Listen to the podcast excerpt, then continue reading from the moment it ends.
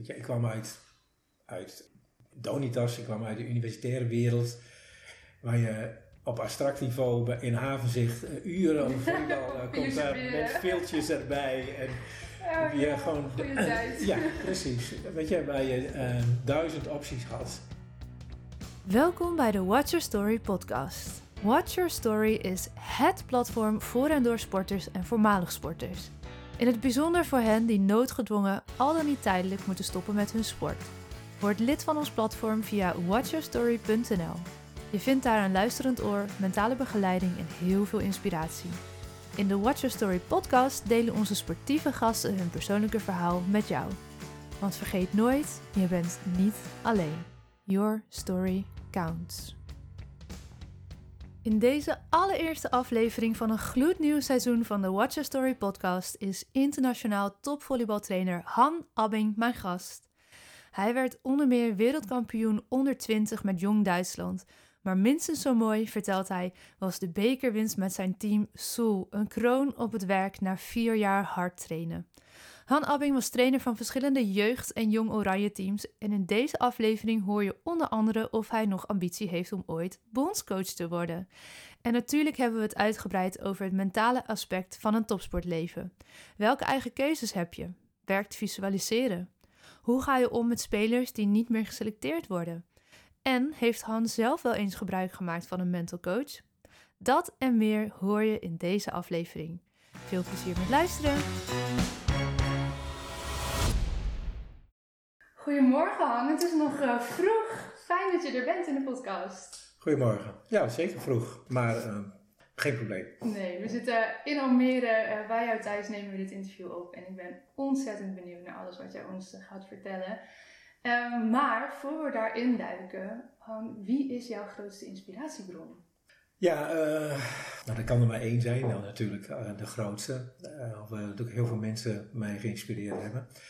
Maar ja, dan kom ik wel bij Kruif. Dat is voor mij als kind, was het een held. Ik was 13, WK 74, dat ze in de finale verloren. Wat voor mij een bijna sporttraumatische ervaring is. Ik voelde het nog altijd als een soort, ja, een soort litteken op mijn hart als ik daar aan terugdenk. Uh, hoe hij zich later ook uh, als, als coach ook gepresenteerd heeft. Het was echt een man die, ja, die de topsport naar het voetbal heeft gebracht, topsport naar Nederland heeft gebracht, als speler en als trainer. En als je dan wat daar meer in duikt, dan zie je ook dat hij het voetbal echt veranderd. Mm-hmm. Hoe het voetbal gespeeld werd, werd benaderd. Um, daarnaast uh, was het natuurlijk een, een onnavolgbaar redenaar. En um, ja, dus het mooie daaraan is, is dat je ook, uh, hij heeft ook de Nederlandse taal uh, beïnvloed. Hij was niet alleen ja. een goede voetballer, maar hè, we gebruiken dagelijks, nou ja, zeg maar haast gezegden die uit, uit zijn brein zijn gekomen. Die niet altijd helemaal kloppend Nederlands waren, maar iedereen begrijpt wel wat hij daarmee bedoelt. En uh, het mooie daaraan is, is dat hij toen hij naar Spanje ging, en in Spanje, dat hij dat ook in de Spaanse taal heeft gedaan. En uh, er is een hele mooie film gemaakt, uh, An Momento Dado heet die. Dat gaat over zijn tijd in Barcelona. Mm-hmm. En hoe hij inspirerend was voor de mensen in Barcelona. En, en dat was toen nog in de tijd dat Spanje nog een dictatuur was. En de Catalanen zich achtergesteld voelden bij Madrid, waar Franco de dictator zat. En hij hun gewoon hoop gaf. En ook soms dat bewust en soms onbewust deed. En als je die film ziet, dan is dat, ja, dan is dat een ontzett, ontzettende bevestiging zo van hoe inspirerend hij ook kan zijn en is en was. En dat, ja, als je dat dan op jezelf betrekt, van, ja, dan is het ook niet dat je niet, zoiets hebt van het is niet raar dat ik zo geïnspireerd ben geraakt door hem. Mm. En het, uh, die, die film Al Momento Dado, dat, daarmee, dat is een stukje Spaans wat niet correct Spaans is, maar wat hij in de Spaanse taal uh, gebracht heeft. Het uh, betekent op een gegeven moment. En um, dat heeft hij zeg maar, op een manier vertaald dat het niet correct Spaans is, maar dat ze nu al in Spanje gebruiken. Ja, dat is natuurlijk wel heel mooi. En ook mooi hoe daar gelijk de raakvlakken van sport en een stukje geschiedenis uh, al ja, bij elkaar komen ja. in dit eerste voorbeeld.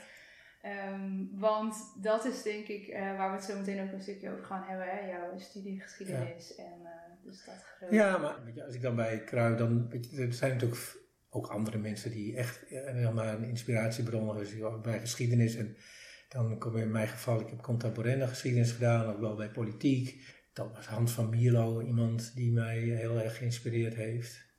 En als je dan naar, de, naar het volleybal gaat, en waarom ben ik nou trainer geworden?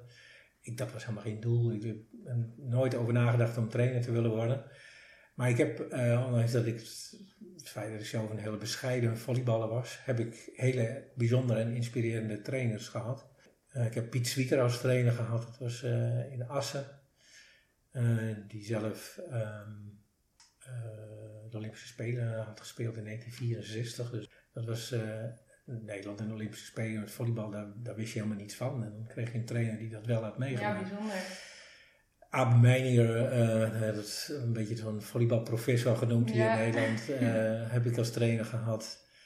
En uh, bij Donitas heb ik Joop uh, Albera als trainer gehad. Dus dan ja. heb je wel hele bijzondere mensen die niet alleen bijzondere volleyballers waren of volleybaltrainers waren, maar ook, zeg maar, die waren meer dan volleybal. Piet was econoom, Abe was onderwijskundige, Joop had na zijn aanloop van mijn sociologie gedaan. Dus daar had je ook hele andere gesprekken mee. Of als je daar volleybalgesprek mee had, dan kon je dat ook op een heel abstract niveau uh, hebben. Ja, en dat was wel erg leuk. Past bij je, ja. ja, Hey, voor we verder in de Groningen tijd uh, duiken, want daar ben ik natuurlijk wel nieuwsgierig naar voor de mensen die dat niet weten. Ik heb ook in Groningen gestudeerd en gevolleybald.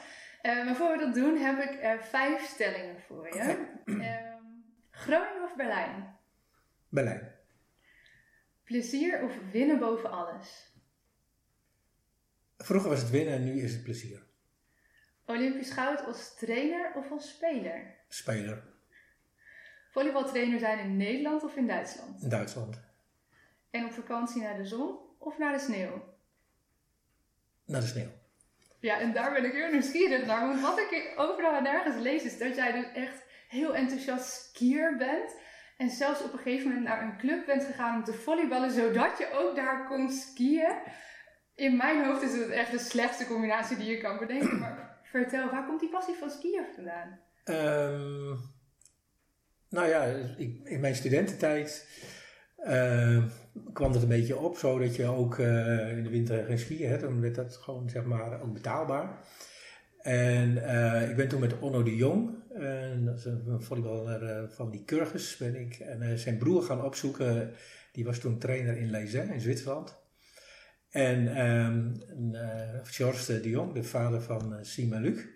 Ja. En die zat daar en die zei van, nou, we doen het een fenomenologische benadering. Zo van, ervaar het maar en ga maar achter mij aan, zo moet je remmen. En we hebben daar een fascinerende week gehad. Gewoon, uh, we zijn er vijf dagen geweest. Het was überhaupt fijn, want we hadden maar heel weinig geld. Dus we zijn liftend naar Zwitserland gegaan en liftend terug in de winter. Dus dat was ook een hele ontbering en een hele helse tocht. Uh, maar goed, daar dus uh, de basisdingen van skiën geleerd. En ehm, dat was, ja, dat was dus een, een van mijn mooiste weken die ik in die tijd uh, zeg maar beleefde. Ik kan natuurlijk echt aan je zien dat je nog helemaal ja. een soort van glimmende ogen bij krijgt. Precies, dus en George was daar trainer en die zei op een gegeven moment ook van, nou je komt vanavond nog maar even langs of je mag ook wel meetrainen. En wij waren gewoon zo kapot dat we gewoon dat verslapen hebben. We vielen s'avonds om zeven uur in bed en helemaal geen training. Dus toen heb ik iets van, hé, hey, dit vind ik wel, uh, dit is echt heel erg leuk. En uh, nou, toen ben ik daarna ook uh, gewoon les gaan nemen. En met, met, met Donitas zijn we zelfs zeg maar, op een skireis gegaan. Ja, ja, precies. Ja, en toen ik, toen ik afstudeerde, toen ehm, was er heel weinig werk. Dat was in 1988 ik heb toen wel, uh, ook, ik had wel ook wel verder gewild uh, als uh, historicus. Dus ik heb ook getracht om een, een, beurs te krijgen. Nou, dat is toen net niet gelukt. dat was trouwens een beurs voor een, een studie geschiedenis in Oost-Berlijn. Hmm. Dus als ik dat gekregen had, ja, dan had mijn leven misschien wel heel, anders ander pad, ja. ja. dan, dan had ik de, de wende had ik daar waarschijnlijk live meegemaakt. Dus dan was ik waarschijnlijk een, heel, een heel andere wereld in uh, getrokken. Ja, dat gebeurde niet. En toen dacht ik, wat wil ik nu? Ik moest mijn, vak, dienst doen, maar dat duurde nog. Toen dacht ik van, nou, als ik dat eens ga, ik naar ergens naartoe ga waar ik veel kan skiën. En uh, nou, ik kwam in uh, Duitsland op een, In Duitsland had je destijds heel veel, ook in, na het seizoen, nog, het werd toen nog niet zo heel veel gebied, maar dan had je mixed toernooien. En dan speelde je met uh, vier tegen vier, met twee vrouwen en twee mannen. En uh, nou, dat was echt hartstikke leuk. Dus uh, dat, dat heb ik toen En toen heb ik daar iemand ontmoet die speelde in Salzburg. En die zei van, heb je geen zin om in Salzburg? En nou, Salzburg was toen een club die aan het, naar het hoogste niveau wilde. Dus het was nog niet zo heel professioneel dat ze zeiden van ja, skiën en volleybal, dat is zo slecht samen. Kan niet. Dat kan niet. Dus dat zeiden ze nog niet. Doe maar. Nee, nou, daarna schaven ze aan van ja, dat ik toch ook nog wel uh, wat geld naast uh, gewoon door te werken. Dus ik heb gewoon ook gewoon uh, gejobd daar, gewoon allerlei baantjes. En ik heb op de universiteit daar, net als je dat in, op, de, op de in Groningen hebt, heb ik daar ook training aan studenten gegeven. Nou, dat bij elkaar, die drie dingen. Ja, daar kon mooi. ik zeg maar mijn geld mee verdienen om daar te zijn en ook te skiën. Ja. Waar Donitas al niet goed voor is, hè? Precies. Nou ja, dat heb ik ook, uh, zeg maar later, dan, dan denk je nog wel eens aan terug. Want dan Joop die zei dan tegen ons, uh, als je hier op universiteit, als je afstudeert en je slaagt bij Donitas, dan komt het wel goed. Komt het wel goed met je, ja, Precies. mooi is dat. Nou ja, zo Dat- zie je maar. We zijn allebei op ons pootje Ja. terechtgekomen. Heel andere dingen gaan doen, maar Ja, ja, mooie basis daarbij. Uh, Groningen en bij Donitas, goede tijd geweest. Ja. Dat is wel hele, hele bijzonder. Dat vind ik ook voor mij mijn leukste volleybaltijd, mijn leukste... Ja. weet je, je bent allemaal met leeftijdsgenoten in een bepaalde levensfase eh, waarbij je nog heel veel dingen moet ontdekken en leren. En dat doe je met een groep mensen die ook dan nog allemaal graag volleyballen. Dus ja, dat is mooi. Ja, Ja. dat is heel bijzonder. Hey, en als je dan eens kijkt naar de tijd ehm, voordat je bij Donitas kwam, je zei ja, je was een hele gemiddelde speler, maar hebt wel degelijk Eredivisie gespeeld. Had jij als kind of als tiener ook die droom om dan ooit in het Nederlands team te spelen? Ja, ik weet dat ik mijn eerste Olympische Spelen die ik op tv kan herinneren, dat waren de Spelen van München in 1972. En dat ik dacht van, hé, hey, zoiets wil ik ook. Ja. En dat had nog niet met volleybal te maken. Of met, eh, en, eh, dus ik had wel iets van, hé, hey, ik wil gewoon wel heel goed in sport worden. En dat had ik daarvoor als klein jochie ook al. En dan komt Cruijff nog even terug. Dus in de eerste, tweede klas van de lagere school, als je dan vroeg eh, van wat wil je worden later, dan zei iemand astronaut of brandweerman. En dan zei ik, ik wil Cruijff worden. En, dus ik had wel altijd iets van, hé, hey, ik wil, heel, wil iets, iets met sport. Dus dat heb ik ook, toen ik naar de middelbare school, heb ik, ook, ik heb ook heel lang wel eh, over gedacht om naar de ALO te gaan. Maar ik vond ook geschiedenis heel erg leuk. En we hadden dan zo'n zo'n ALO-klas eh, op dat middelbare school waar je dan, eh, zeg maar, je kon voorbereiden. En toen kwam ik, ik had wel een goede eh ALO-docent en die zei van, nou ja, goed, als je gewoon ook heel erg geschiedenis. Je moet niet naar de ALO, hè. je kunt ook geschiedenis gaan studeren. En als je dan, toen, hè, toen werd al zichtbaar dat ik gewoon eh, redelijk, redelijk goed in volleybal eh, was, zeg maar, op de middelbare school boven gemiddeld. Dan zei hij van, ja goed, als je met iets met volleybal wil, dan dat kun je ook naast je geschiedenis doen. Ja. Dan hoef je niet voor naar de ALO. Nou, dat is wel een goed advies geweest, denk ik, achteraf. Want oh, ik ben nu wel, ja, als ik het weer zou doen, dan zou ik eh, echt gewoon wel weer geschiedenis studeren. Ja, mooi. Ja. Nou, dat is fijn om Ja. eh, achteraf zo te kunnen zeggen. En is er dan ook een moment geweest waarop je je realiseerde, ehm hey, die absolute top, hè, die Olympische Spelen, ik ga dat niet halen? Ja. Nou, ik, ik ging naar, ik was in Assen en dan, hè, dan word je jeugd en dan ga je naar het eerste en dan word je daar eh, ook eh, steeds beter en dan word je natuurlijk interessant. Eh, ook voor andere clubs. En, eh, toen, weet je, je kreeg toen selectietrainingen. Ik heb nog in Jeugd Oranje, eh, ben ik nog eens mee geweest. Jong Oranje heb ik niet meer gehaald. Dus dan krijg je al het eerste iets van, nou ja, want dat, werd ook dan heel veel, ik ben natuurlijk niet zo groot. dus ik werd ook op lengte werd dat zeg maar, zeg maar geselecteerd. Dus dan heb je zoiets van, ja goed, misschien kan ik dan nog ook een, via een andere weg. Ik bedoel, ik gaf niet op. Ehm, en toen ik ging studeren naar Groningen ging, toen dan kom je in de wereld echt al van de, e- de Eredivisie spelers met heel veel talent. En toen werd mij toch wel heel snel duidelijk van ja, ik kan trainen wat ik wil, maar daarvoor heb ik gewoon talent niet. Hoe was het voor jou, omdat je dat besef, nou ja, tot je door te laten dingen? Ja, nou, die, dat was. Dat druk je eerst een beetje weg. Weet je wel, zoiets van, nou, pff, eh, ik vind het ook hartstikke leuk. En dan ga je, ik heb gewoon ook op een gegeven moment twee jaar ben ik nog bij Lodewijk Gever geweest, bij, eh, eh, in Hoge Zand, bij Abe. En ehm, ja, dan zeg maar, daar speelde ik misschien 20% weet je, van, van een spelbegeleider die beter was. Dus dan langzaam gaat het al dat wel indalen dan van oké, er zijn gewoon jongens die, die hebben meer talent.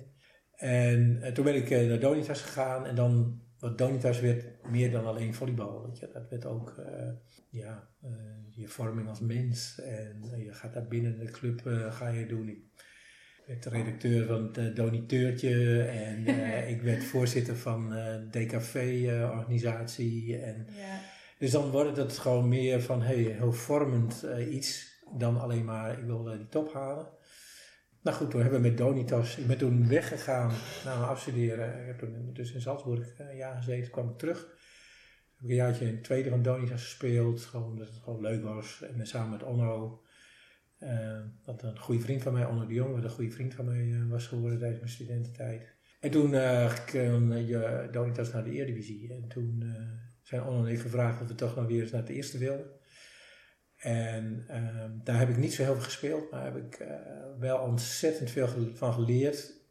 Um, zeg maar, om later te kunnen gebruiken als trainer. Ja. Joop heeft toen ons onder de arm genomen en zegt: Oké, we gaan daar. En die heeft daar een heel bijzonder seizoen het, was wel jammer, hij koos er niet voor om ons ook uh, te coachen. Dus we hadden een andere coach dan dat we de trainer hadden.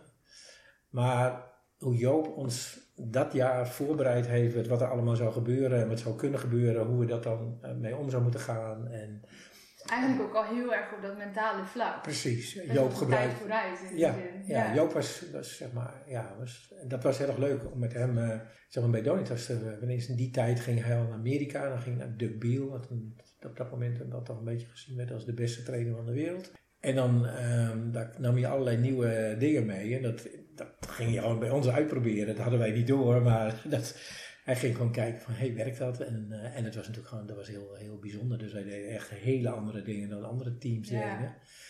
En ook uh, Joop was ook wel de eerste die met ons bezig was met visualisatie en hoe je dat kon inzetten. En, ehm, en symboliek gebruiken. Toen we dat, dat, dat, dat Eredivisiejaar heeft hij de symboliek gebruikt van de Eerste Golfoorlog. En er was een generaal, Norman Schwarzkopf. Die was daar succesvol. Die had heel veel geleerd uit de dingen die fout waren gegaan in de Vietnamoorlog die Amerika daar gevoerd had. En dat heeft Joop heeft dat op een manier weten te vertalen naar, uh, naar volleybal en naar ons met Donitas als overlevingstocht in de eerste. Ja, overlevingstocht, ja mooi. En dat was, dat was heel bijzonder. Dat heb ik later zelf ook eens gebruikt uh, bij een team. En heb ik uh, iets uit de geschiedenis heb ik ingezet. Ehm, dat was met uh, Lycurgus dames, dat was mijn eerste Eredivisie. Ik trainde het eerste divisieteam, dat was op dat moment het tweede alle meiden van, uh, of vrouwen van uh, die Kurgers gingen naar Sneek. En um, daar stond een Eredivisie-team van die Kurgers zonder speelsters. Toen werden wij gevraagd van tweede wil die dat op, opvullen. En, dus ik ging met het eerste divisieteam naar de Eredivisie. Naar de Eredivisie. En toen heb ik ja, zeg maar dat toen Joop dat met ons heb ik, uh, heb ik uh, vertaald naar uh, wat wij daar. En toen heb ik het jaar 1672 als symboliek genomen. Dat was het jaar dat, wat we in de geschiedenis dan het Nederlandse rampjaar. Dat we Nederland aangevallen door Keulen, Münster, Frankrijk en Engeland. Dat we een deel van Nederland onder water hebben laten lopen om ons te verdedigen. En dat heb ik heel erg gebruikt als zijnde de symboliek voor het seizoen, de, de, de ramp dat Lycurgus ineens geen Eredivisie speels had en wij dat toch moesten oplossen. En dat, als ik die meiden dan nog zoals naar terug, uh, of dan nog eens uh, weer gezien heb, dan die vinden dat allemaal, ondanks het feit dat we wel gedegradeerd zijn, een van hun mooiste seizoenen. Met name door die beleving die we er Groot compliment denk ik voor jou. Ja, ja. voor de ploeg. Want we erkennen, uh, erkennen inmiddels eigenlijk allemaal wel het belang van een goede krachttrainer, van een fysio en ook steeds vaker wel van bijvoorbeeld een voedingsdeskundige bij de topteams. Um, welke rol heeft volgens jou daar um, de mentale begeleiding in relatie tot die topprestaties? Want je hebt zelf ervaren dat dat wel degelijk iets doet. Ja, ja dat was. Um, ja, dat, nou ja, dat, daar heb ik wel veel uh, zeg maar van Joop uh, geleerd. Die was daar echt gewoon uh, echt wel mee bezig. Zo van, uiteindelijk bepaalt het hoofd of je wel of niet kunt winnen. Ja. Ook leren, dat je moet leren het, de wedstrijd te winnen. En dat je een wedstrijd ingaat om te winnen. En ik had heel lang als speler uh, ik ontzettend slecht tegen verlies. Dus ik ging in de wedstrijd in om niet te verliezen. Ja. En ik, dat, ik heb dat in het laatste jaar met Joop, met het Eredivisie, heb ik echt geleerd van dat je dat, dat, dat gewoon niet de beste manier is om je zeg maar, voor te bereiden op een wedstrijd, om een wedstrijd te gaan. Dat heeft gewoon, uh, dat heeft gewoon iets van mij getriggerd van hé, hey, er is, weet je, dat, dat is een, een belangrijk aspect. En zo zullen er meer zijn. En uh, goed, het was toen begin jaren negentig. Um, ik heb gespeeld met, uh, bij Sudosa met Hanni Menkenhorst. Dat is een sportpsycholoog. Die uh, heeft ook mm -hmm. gedoseerd aan de Universiteit van Groningen. En die is een van de eerste geweest die zich daar ook mee, zeg maar, een, een specialisatie sportpsychologie heeft ontwikkeld. En die had ook een test gemaakt, een, een sport, sportprestatietest. Die heb ik toen ook gebruikt bij die, die En uh, dat was, uh, nou ja, daar, kwam dan bijvoorbeeld ook uit uh, hoe stap je in een wedstrijd ja. om te winnen of om uh, niet te verliezen. En ehm, mensen die het alleen maar doen om te winnen, dat, dat, dat daar een afbreukrisico heel hoog is. want dan ben je niet meer bezig met beter worden. Of, nee, dus je gaat winnen boven alles. Ja, dus je, de, dan, dan kun je tevreden zijn met een hele slechte wedstrijd omdat je gewonnen hebt. En kun je Ja. gewoon eh, heel bedrietig zijn eh, als het andersom is. Ja. En ehm, die gaf dan daar ook handvaten voor om eh, hoe je dat al kunt coachen. En dan, nou, dan moet je natuurlijk vervolgens nog eh, methodiekjes vinden hoe je dat ook eens in, eh, in, eh, in je training eh, gaat verwerken. Want hoe ben je daar als trainer mee omgegaan als het, en met vaak ook jonge spelers en speelsters heb gewerkt, eh, wanneer het bij hen even tegen zat? Ja, nou dat ik dan. ehm, ik reed, weet je, zeker, eh, het was nog bij, als je met studenten, dan eh, is het natuurlijk al wat makkelijker. Die zijn al ietsje verder. Dus die, hè, dan kun je gewoon wat makkelijker al wat refereren aan wat ze zelf ervaren hebben. Een tentamen dat ze wel of niet gehaald hebben. Hoe ze dan de volgende keer naar het tentamen gingen. Ja. Dat je dus vertaalt naar situaties die ze al wel kennen. En ehm, dat heb ik ook ge- toen ik bij jeugd en jong oranje is het natuurlijk al iets lastiger, want dan zijn ze natuurlijk nog erg jong. Eh, maar dat heb ik ook, ik heb altijd geprobeerd naar een vertaalslag te maken van wat ze herkennen. Dus ehm, ik op een gegeven moment een wedstrijd zei van ja, het is niet anders dan een proefwerk maken. Ja. Weet je wel? Dus, eh, en een proefwerk maken we gewoon om te kijken wat we de afgelopen tijd hebben gedaan en of we dat goed genoeg eh, hebben gedaan. En ehm, eh, als we die winnen, dan kunnen we zeggen van hé, hey, we hebben het proefwerk goed gemaakt, maar dan moeten we ook nog kijken hoe we gewonnen hebben. Dat het niet alleen maar, hè, de winst alleen maar, maar zie het als een, als een proefwerk, zie het als een examen, zie het als een tentamen. En die vertaalslag heb ik altijd dan proberen te maken. Nou, dat ik ook gemerkte dat dat wel aankwam. Je moet het terugbrengen naar herkenbare situaties. Ja, En dus ook wel het stukje presteren zit er dan al vrij jong in. Hè? Want een examen of een tentamen eh, Ja. roept toch ook dat stukje presteren, denk ik, op. Als je het hebt over presteren versus plezier. Ja. Eh, dan nou ja, mag, mag je dat misschien verwachten bij Jong en Jeugd Oranje? Eh, Ja, maar daar word je, ben ik wel, daar ben ik wel, in mijn trainingscarrière ben ik ook wel in veranderd. Ik ben redelijk jong, of laat ik zeggen onervaren, bij jeugd en jong oranje gekomen. Eh, men zag blijkbaar dat- dat ik wel talent had om een goede trainer te worden. Mhm. Ehm, maar eh, weet je, zoals ik nu met die, de afgelopen twee zomers heb ik ook jong oranje gedaan, dan ga ik zo ongelooflijk anders mee om dan dat ik destijds gedaan heb. Destijds was toch het, het winnen was nog wel, eh, stond zeg maar meer voorop dan dat ik nu, voor mij is nu, winnen is niet anders dan een logi- logi- logische consequentie van wat we aan het doen zijn. En als die eh, logiek eh, eh, onderbroken wordt, dan gaan we gewoon met elkaar gaan waarom. En dat kan ook zijn omdat de tegenstander op dat moment gewoon beter is. Ja. Wat niet, dat we geen goede prestatie geleverd hebben. Zeg maar, als ik naast, naast de trainers die je hebt genoemd, heb, is voor mij Bert Goedkoop ongelooflijk belangrijk geweest. Omdat hij mij dat geleerd heeft. Weet je, ik kwam uit, uit eh, Donitas, ik kwam uit de universitaire wereld. Waar je op abstract niveau in havenzicht eh, uren over volleybal eh, komt daar met filtjes erbij. En Ja, je gewoon ja, precies. Weet je, waar je ehm, duizend opties had. Ja. En toen kwam ik, ehm, ging, ik dacht oké, ik ging naar bed. Op dat moment een oud succesvol speler die eh, een trainer werd. Sporthallen Zuid. En die deed dat samen met Guido Vermeulen. En dan was het van, dit is de weg. En als je niet mee wilt, links of rechtsaf, dan doe je maar niet mee. En eh, daar ging het echt, echt om, om eh, alleen om binnen. En dat is voor mij ook wel heel belangrijk geweest. De, zeg maar, de wetten van zeg maar, de harde topsport, die heb ik van Bert geleerd. En die is heb ik daar nodig mee ook om echt die top te halen? Want als je, zelf niet, op. als je niet zelf speler bent geweest, eh, heb je dat wel nodig. Ja, ik, eh, ik, ik ben niet een topspeler geweest die nou ja, de, de, de, de angst van de, de kleedkamer voor een Olympische finale of een WK-finale of eh, de, de, de aandacht van de tv eromheen en de aandacht die ehm, eh, of de mensen eh, uit je omgeving erom geven op het moment dat je wel of niet verliest. Dat heb ik als speler niet meegemaakt. Dus eh, ehm, dan moet je dat als trainer ergens anders leren. En eh, ja, daar heb ik gewoon heel veel aan, bed, bed gehad.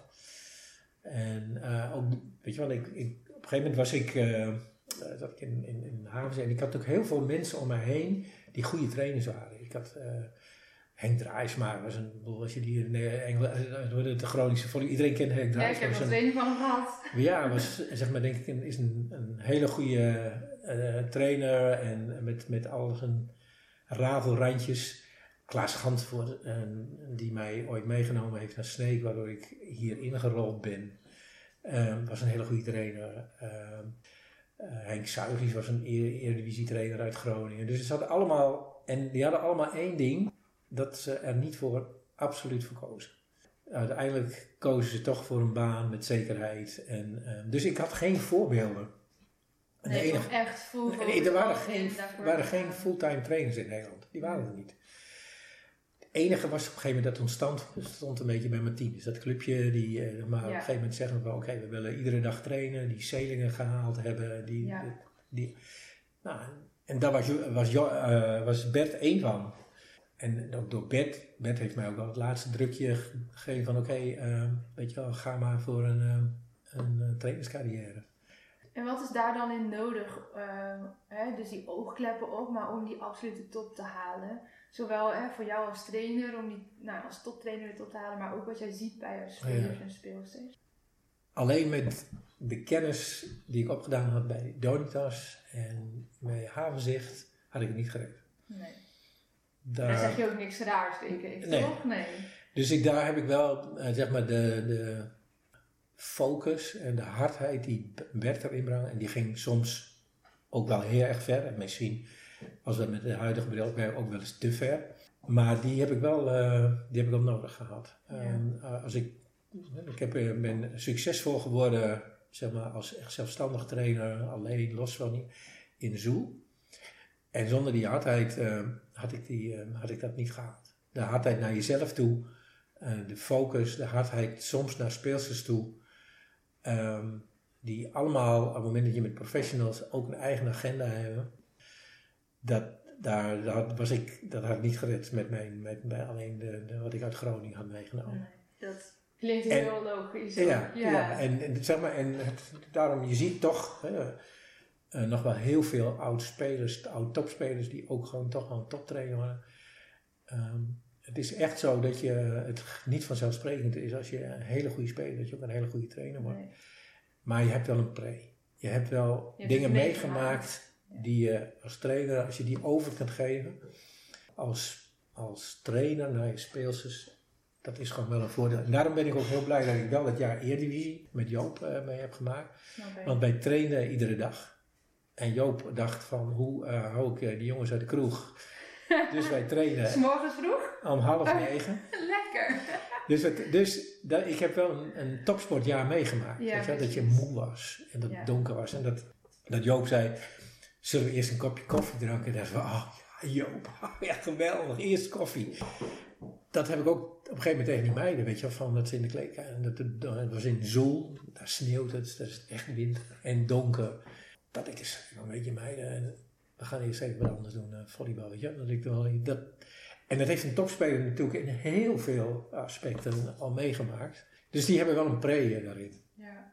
En je noemt daar wel even Duitse Soel, waar je natuurlijk lang trainer uh, bent geweest. Ehm, wat kunnen wij leren als Nederlanders van de topsportcultuur uit Duitsland? Ja, nou, nou wat, wat, bij Joop, of uh, bij, bij uh, Bert al echt wel begon, was um, dat de kracht, fysieke training heel erg belangrijk was. En hij haalde Henk Kraaienhof, een atletiektrainer, hadden die toen bij voor de kracht. Mm -hmm.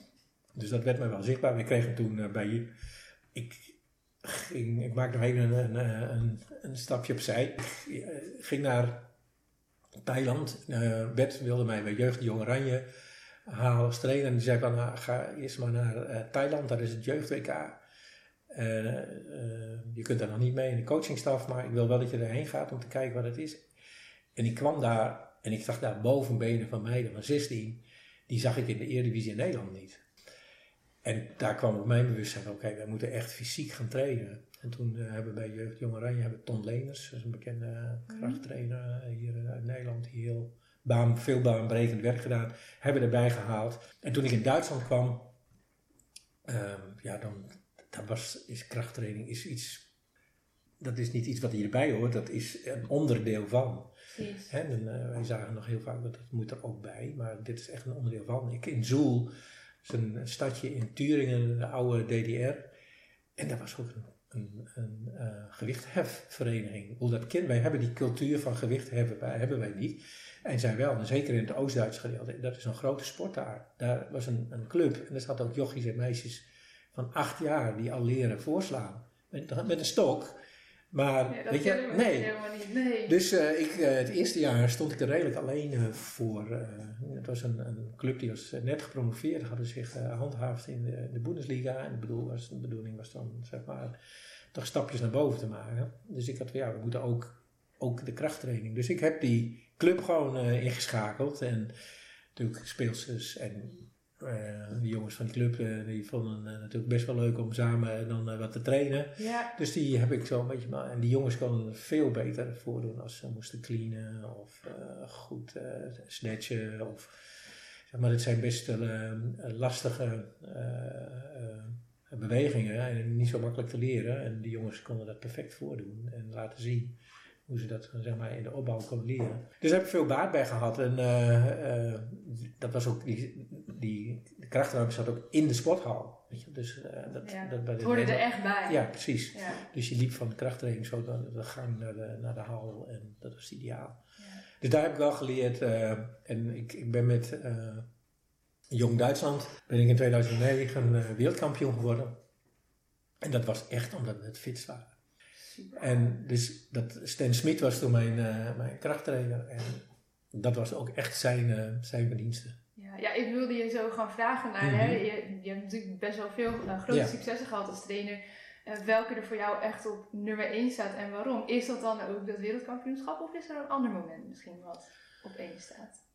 Ehm, pff, ja, natuurlijk is wereldkampioen worden is iets zo, ja, dat kun je, dat, eh, als je dat, je hoort dat wel eens op, op interviews eh, als eh, atleten dan weer dat ze dat niet beseffen. Dat is ook echt zo, dat heb ik ook echt zo. Ik ben daarna op reis gegaan en toen waren we in Namibië en toen waren we in Sossusvlei, dat zijn van die hele hoge duinen. En toen liep ik op een duin en toen had ik echt, pas dat ik tegen Cindy, mijn vriendin, zei, jezus, ik ben gewoon wereldkampioen.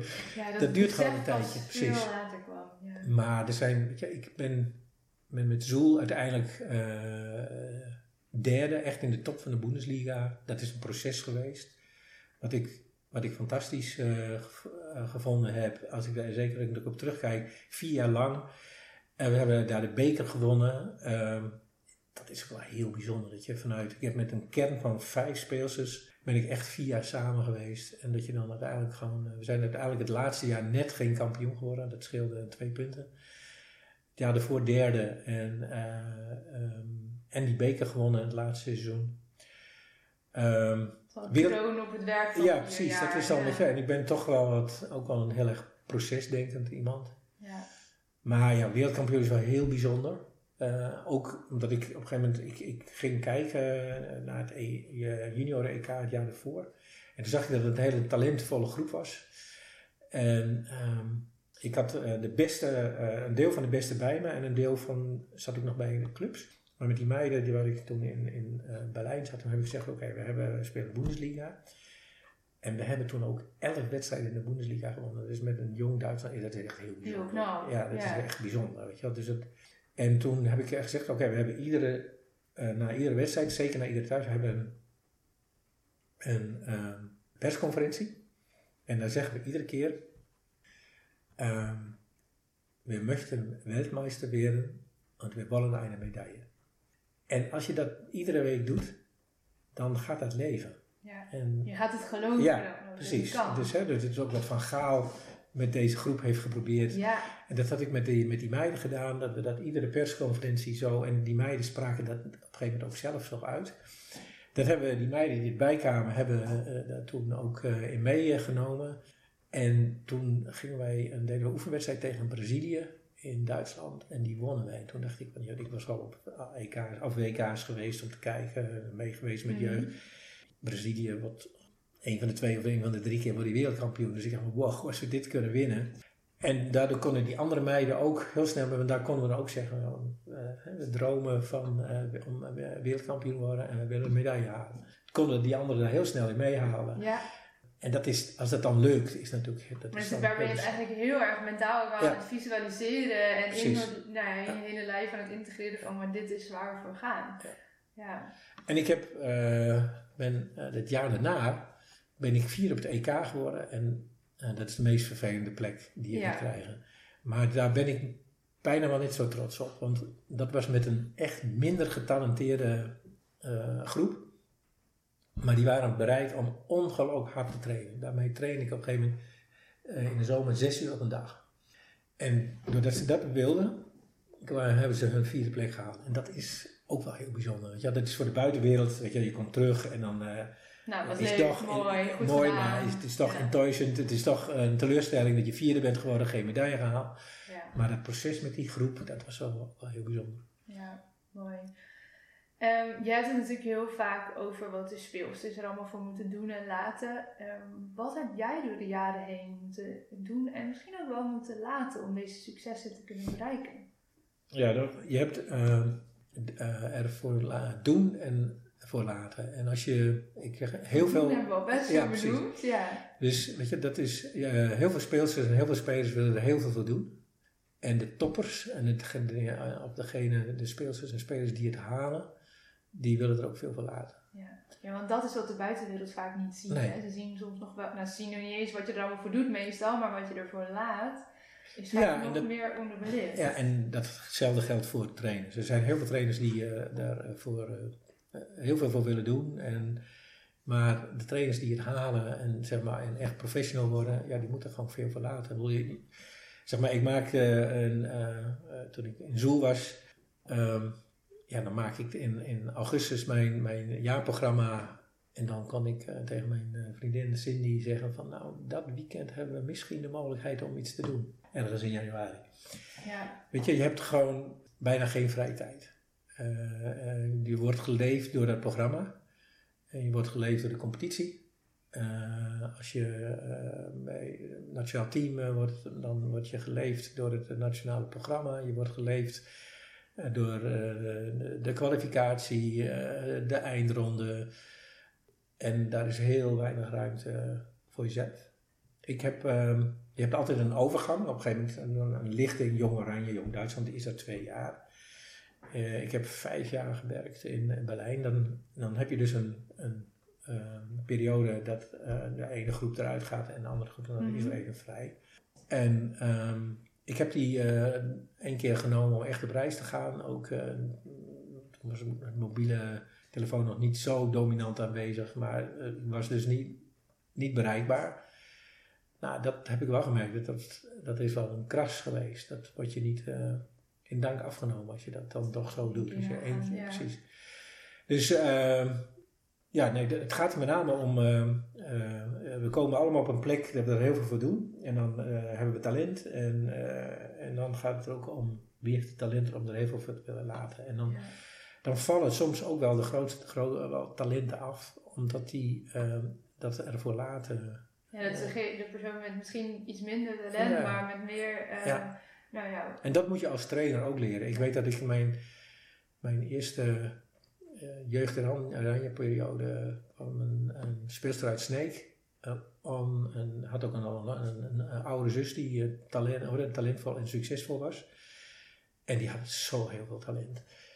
En, maar die ging liever zaterdag in haar Australian trainingspakje gabberen.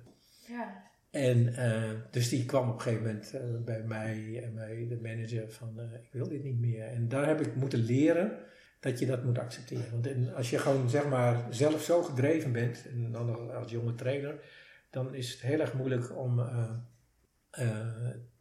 je te realiseren dat iemand dat niet wil. Ja, terwijl eigenlijk ook als je er nu naar kijkt, is super stoer van haar is. Ja. Ze is gaan staan voor wat zij graag wilde, zo Precies. jong al. Ja. Dus later dat is best heel moeilijk. Ja, dus later heb ik ook uh, dat wel in mijn, zeg maar, mijn, als ik voor een groep talenten stond en ik daar een praatje hield, dan heb ik ook gezegd, dat, ja, het gaat erom wat jullie willen. Ja. En niet om wat ik wil. En dat je echt keuzes maakt van, weet je, en als, als je dit heel graag wil, dan ga je hele bijzondere dingen beleven in je, je volleyballeven. Uh, maar dan zul je een aantal dingen gewoon ook niet kunnen doen.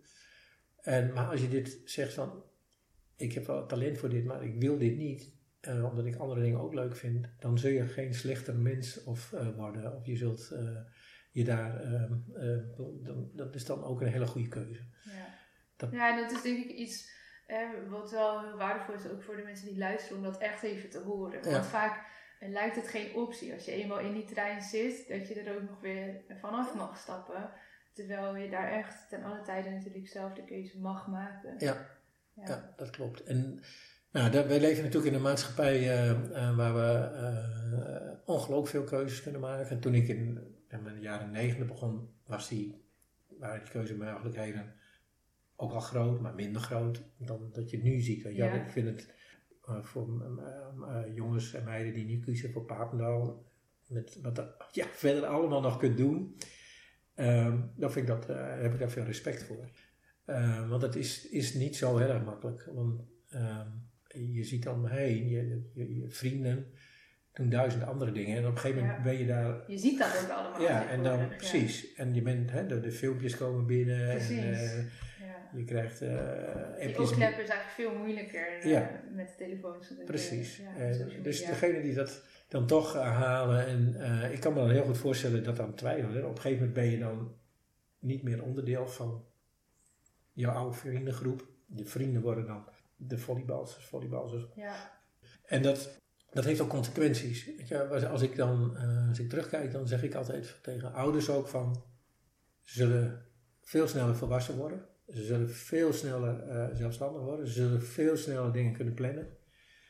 Maar ze krijgen ook een aantal vaardigheden niet mee die we zullen later nog wel aandacht aan zullen moeten besteden. Want je, je, leeft op een gegeven moment leeft natuurlijk in een topsportbubbel. Ja.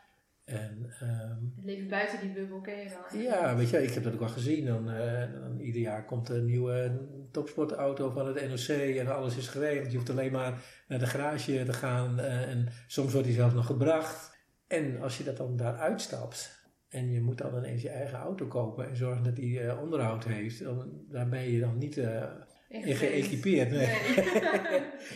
nee. en je zegt wel heel mooi wat het over die keuzes en dat er zoveel keuzes zijn. Um, ik zou graag een bruggetje willen maken naar een uh, andere keuze, want er moet op dit moment in het Nederlands volleybal nogal een keuze gemaakt worden voor een nieuwe bondscoach van de Nederlandse vrouwen. En nou weet ik dat je daar natuurlijk niet te veel over verder kan zeggen mm. misschien. Maar ik ben wel heel nieuwsgierig of dat jouw ambitie is om misschien ooit nog eens te trainen. Te worden. Echt de bondscoach te worden van Oranje. Ja, toen ik... Um, toen ik begon, zeg maar, toen Bert tegen mij zei, nou, doe het maar. Toen dacht ik, oké, dan moet ik ook een doel stellen. Net als ik dat, mijn doel is dat ik uiteindelijk, uiteindelijk bondscoach word. En um, ik ben toen assistent uh, geweest, dus dan, dan bij Angelo Frigoni, een Italiaan. die was weer heel anders dan, dan, dan Bert en dan Joop. Dus ik heb heel veel van geleerd. Die had ook veel met Velasco gewerkt, dus ook veel kennis. En dan dacht ik van, nou, dit is wel wat ik uiteindelijk wil. Nou, dan moet je op een gegeven moment toch ook wel succesvol trainer zelfstandig worden. dus toen ben ik naar Zoel gegaan. Nou, dat is gelukt, dus dat was allemaal zo, dat paste wel allemaal goed. Toen werd ik keer gevraagd door de Duitse bond om dan naar, naar hun. Dus ik nou weet je, dat is een misschien, misschien kan ik wel een bondcoach van de Duitse. Ja. dames worden. En ehm, dus ik heb, weet je, dan, dan bouw je ook, ik heb dat ook gezien bij Joop, die had ook natuurlijk met die jongens in Jong Oranje gewerkt en uiteindelijk wordt hij daar ook bondscoach van. Dan denk ik van, nou, dat is misschien wel een goed traject. En um, dat ben ik toen ingestapt. Toen ben ik wereldkampioen geworden. En toen ben ik ook gebleven. En misschien had ik, als ik terugkijk, misschien had ik toen wel direct moeten zeggen: oké, nu ga ik wat anders doen. Want daarna, weet je, ik word vierde op het EK, je vijfde op het EK. Um, ik ben, we hebben ons niet weer gekwalificeerd om het WK mee te doen. Daar waren allerlei redenen voor. Alleen, um, uh, naar die reden wordt niet gekeken. Wordt dan, zeg maar door, de, zeg maar door de, de, de, de, de bestuurderswereld, de bobo-wereld kijkt gewoon, heb je gewonnen of heb je niet gewonnen, heb je, heb je het gehaald of niet gehaald. Ik vond dat werk in Berlijn vond ik fantastisch.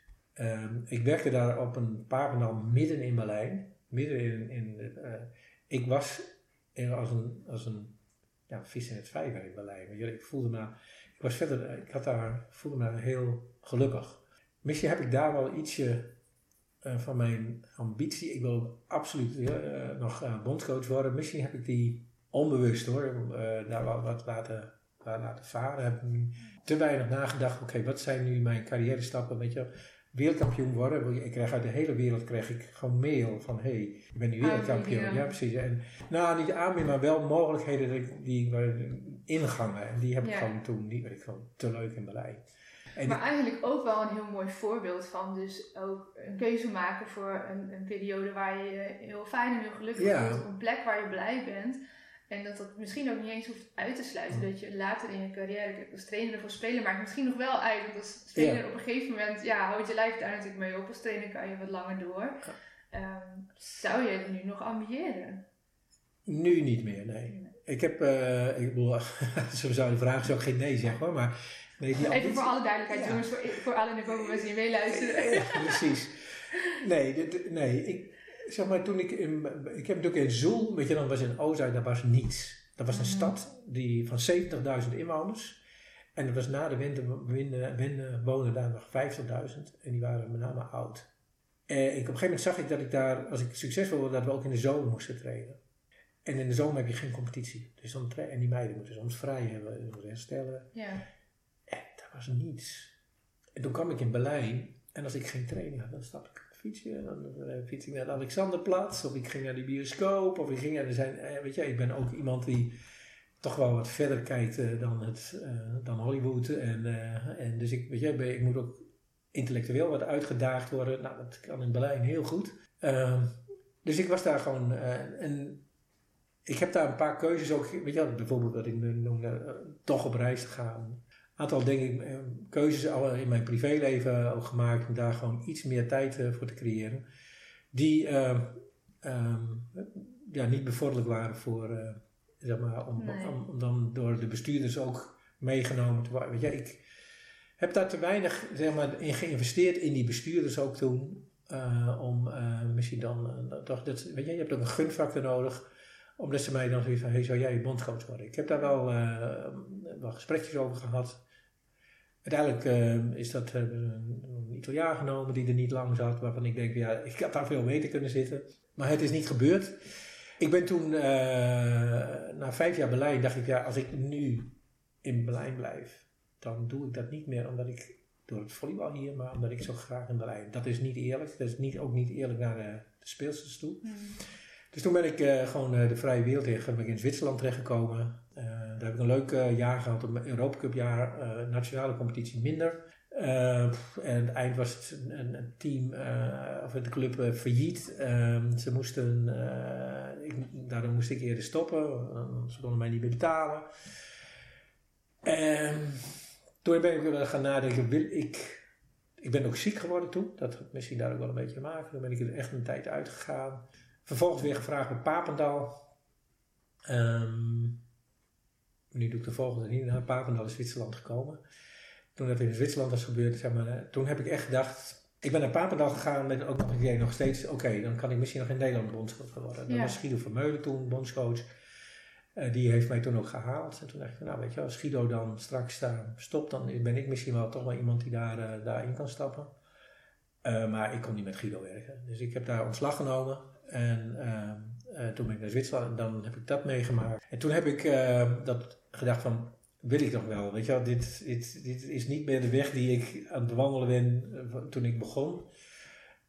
toen ben ik om me heen gaan kijken, wat kan ik anderen met coachen? Nou, dan heb ik met coachingbureaus contact gehad en die zeggen dan allemaal iets van, hey, je bent heel interessant voor ons, maar je zult dan je nog eens moeten specialiseren NLP. Uh, of oh, in, iets erbij. Ja, ja weet je Want dan ben je ergens een specialist in. Met jouw topsoortachtergrond, dan ben je heel interessant. Maar je moet wel iets uh, hebben, want je, ik ben een generalist. Weet je NLP en allerlei coaching skills heb ik geleerd uh, door, door het vak te doen. En door bijscholingen in Duitsland, door in de coaching. Ja, want als je dan kijkt naar wat, wat maakt een goede trainer dan volgens jou? Ja, je moet, nou, je moet naar mijn idee moet, moet uh, um, de toptrainer van tegenwoordig moet breed georiënteerd Dus dat, hè, je hebt mensen die zijn um, heel erg op het detail.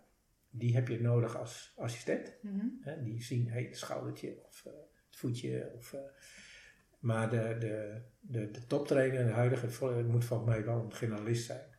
Goed, ik ben naar die coach, dus oké, okay, daar stap je dus niet zomaar in. Dus dan moet ik echt eerst. En toen kwam hoorde ik dat Matt van Wezel ging naar Nepal. En uh, toen heb ik gezegd, hoe kom je daar? En zo kwam ik in contact met Peter van Tadel bij de Nevobo. Die zit ook in een uh, werkgroep bij de FIVB. En uh, die gaf mij aan, nou ja, we hebben wel interesse in trainers met zoveel ervaring en uh, die instructor willen worden, FIVB-instructor. En dan van die buitenlandse, nou, toen dacht ik, ik hou weer van reizen, backpacken. En dan dat. En volleybal erbij. En volleybal. En um, toen heb ik ook van, oké, dan neem ik nu afscheid van de, topsport. En ga ik dat doen. En, Mooie uh, avonturen ja. ja. Dus, uh, en nu kan ik het, hè, de afgelopen twee jaar heb ik, het, uh, heb ik eigenlijk perfect jaren gehad. Even los van het feit dat het één jaar nog in de pandemie was. Maar in de zomer topsport met Jong Oranje op Papendal. Uh, en uh, de afgelopen zomer ook nog. En met meiden die zeg maar, uh, net van Jong Oranje afscheid genomen hebben, maar nog niet goed genoeg. voor het nationaal team. Meiden die afvielen voor het nationaal team. Daarmee werken. En dan in de, de wintermaanden Nepal, Solomon Islands en dan straks daar Botswana. Ja. Want welke kwaliteiten van jou, want je, je ze op eigenlijk zo'n breed uh, vlak uh, volleyballers mm en in ook zulke verschillende culturen. Welke kwaliteiten zet jij misschien overal wel in in jouw werk als coach? nou, ik ben wel iemand die tussen de groep staat, dus ik ben makkelijk benaderbaar. En misschien denk ik soms wel. En, oh, dat onder, onderschat ik dat ook nog wel eens hoor. Maar over het algemeen ben ik wel redelijk benaderbaar. Ik sta wel tussen de groep. Op het moment dat het nodig is dat ik even boven of naast de groep ga staan, dan voel ik het ook wel aan en dan doe ik dat ook wel. Uh, ik denk dat ik uh, spelers en speelsters uh, in staat ben om hun veel vertrouwen te geven. Volleybal specifiek denk ik dat ik, ik kan ze erg goed leren pasen. Ik kan ze, defense training ben ik wel, eh, wel, wel goed in. En wat een kant waar ik minder goed. Ik heb nooit op midden gestaan. Ik heb geen idee. Er komen vijf spelers op je af. Dus dat vind ik best lastig. Er moet eigenlijk iemand naast je staan die daar. Ja, precies. Dus, ik moet, ja. precies. dus dan moet je die bij je naar je toe halen. Of als je die niet hebt, dan moet je die af en toe. Uh, de, op is dat dan heel mooi. Dan vraag je Bas van der Goris van kun je even. Ja, kom even in vliegen. Dus, ja, precies. Weet je wel zo. Um, als je dat maar weet. Um, en, dan, en ook tegen spelers of de spelers durft te zeggen van goh, ik heb dat daar minder kennis voor, dus daar haal ik iemand bij. Of ik heb, dat kan ik nog niet zo, of dat kan ik niet zo goed als dan dat ik dat kan. Dus uh, uh, misschien haal ik dan ook wel de beste speler die dat het beste kan. Misschien de libero die heel goed kan verdedigen. En dan kan ik zeggen, gewoon, hoe doe je dat nou? Laat nou eens zien. En dan gaan we daar een methodiekje bij uh, zoeken. Weet je, dus ik daar... samen met elkaar precies, heel lerend Precies, ja. ja. dat heb ik wel. Dus ik ben op een gegeven moment wel, ja, als je mij denkt analyseert, dan ben ik wel meer een proces, procescoach als een prestatiecoach. En je noemt daar ook heel duidelijk het vertrouwen, hè? vertrouwen geven ook aan spelers en dat dat groeit bij hun. Um, maar ook dat je dus vaak uh, te maken hebt met nou, soms ook jonge spelers die je moet vertellen dat ze misschien afvallen hè, of niet meer geselecteerd worden. Um, hoe begeleid jij zoiets als trainer? Dat is voor een speler natuurlijk best wel een moment. Ja, nee, ik weet dat zeker mijn eerste keer, weet ik nog wel. Dan zat ik daar samen met de teammanager en dan eh, de ouders en eh, de, toen de desbetreffende dochter. Uh, nou, dan leg je dat uit. En um, wat ik al redelijk snel leer is, leerde is dat uh, je wordt het niet eens. Nee. want die ouders en die dochter willen heel erg anders. Die willen namelijk dat ze geselecteerd worden. En ik zeg, ik ga je niet selecteren, je bent niet goed genoeg.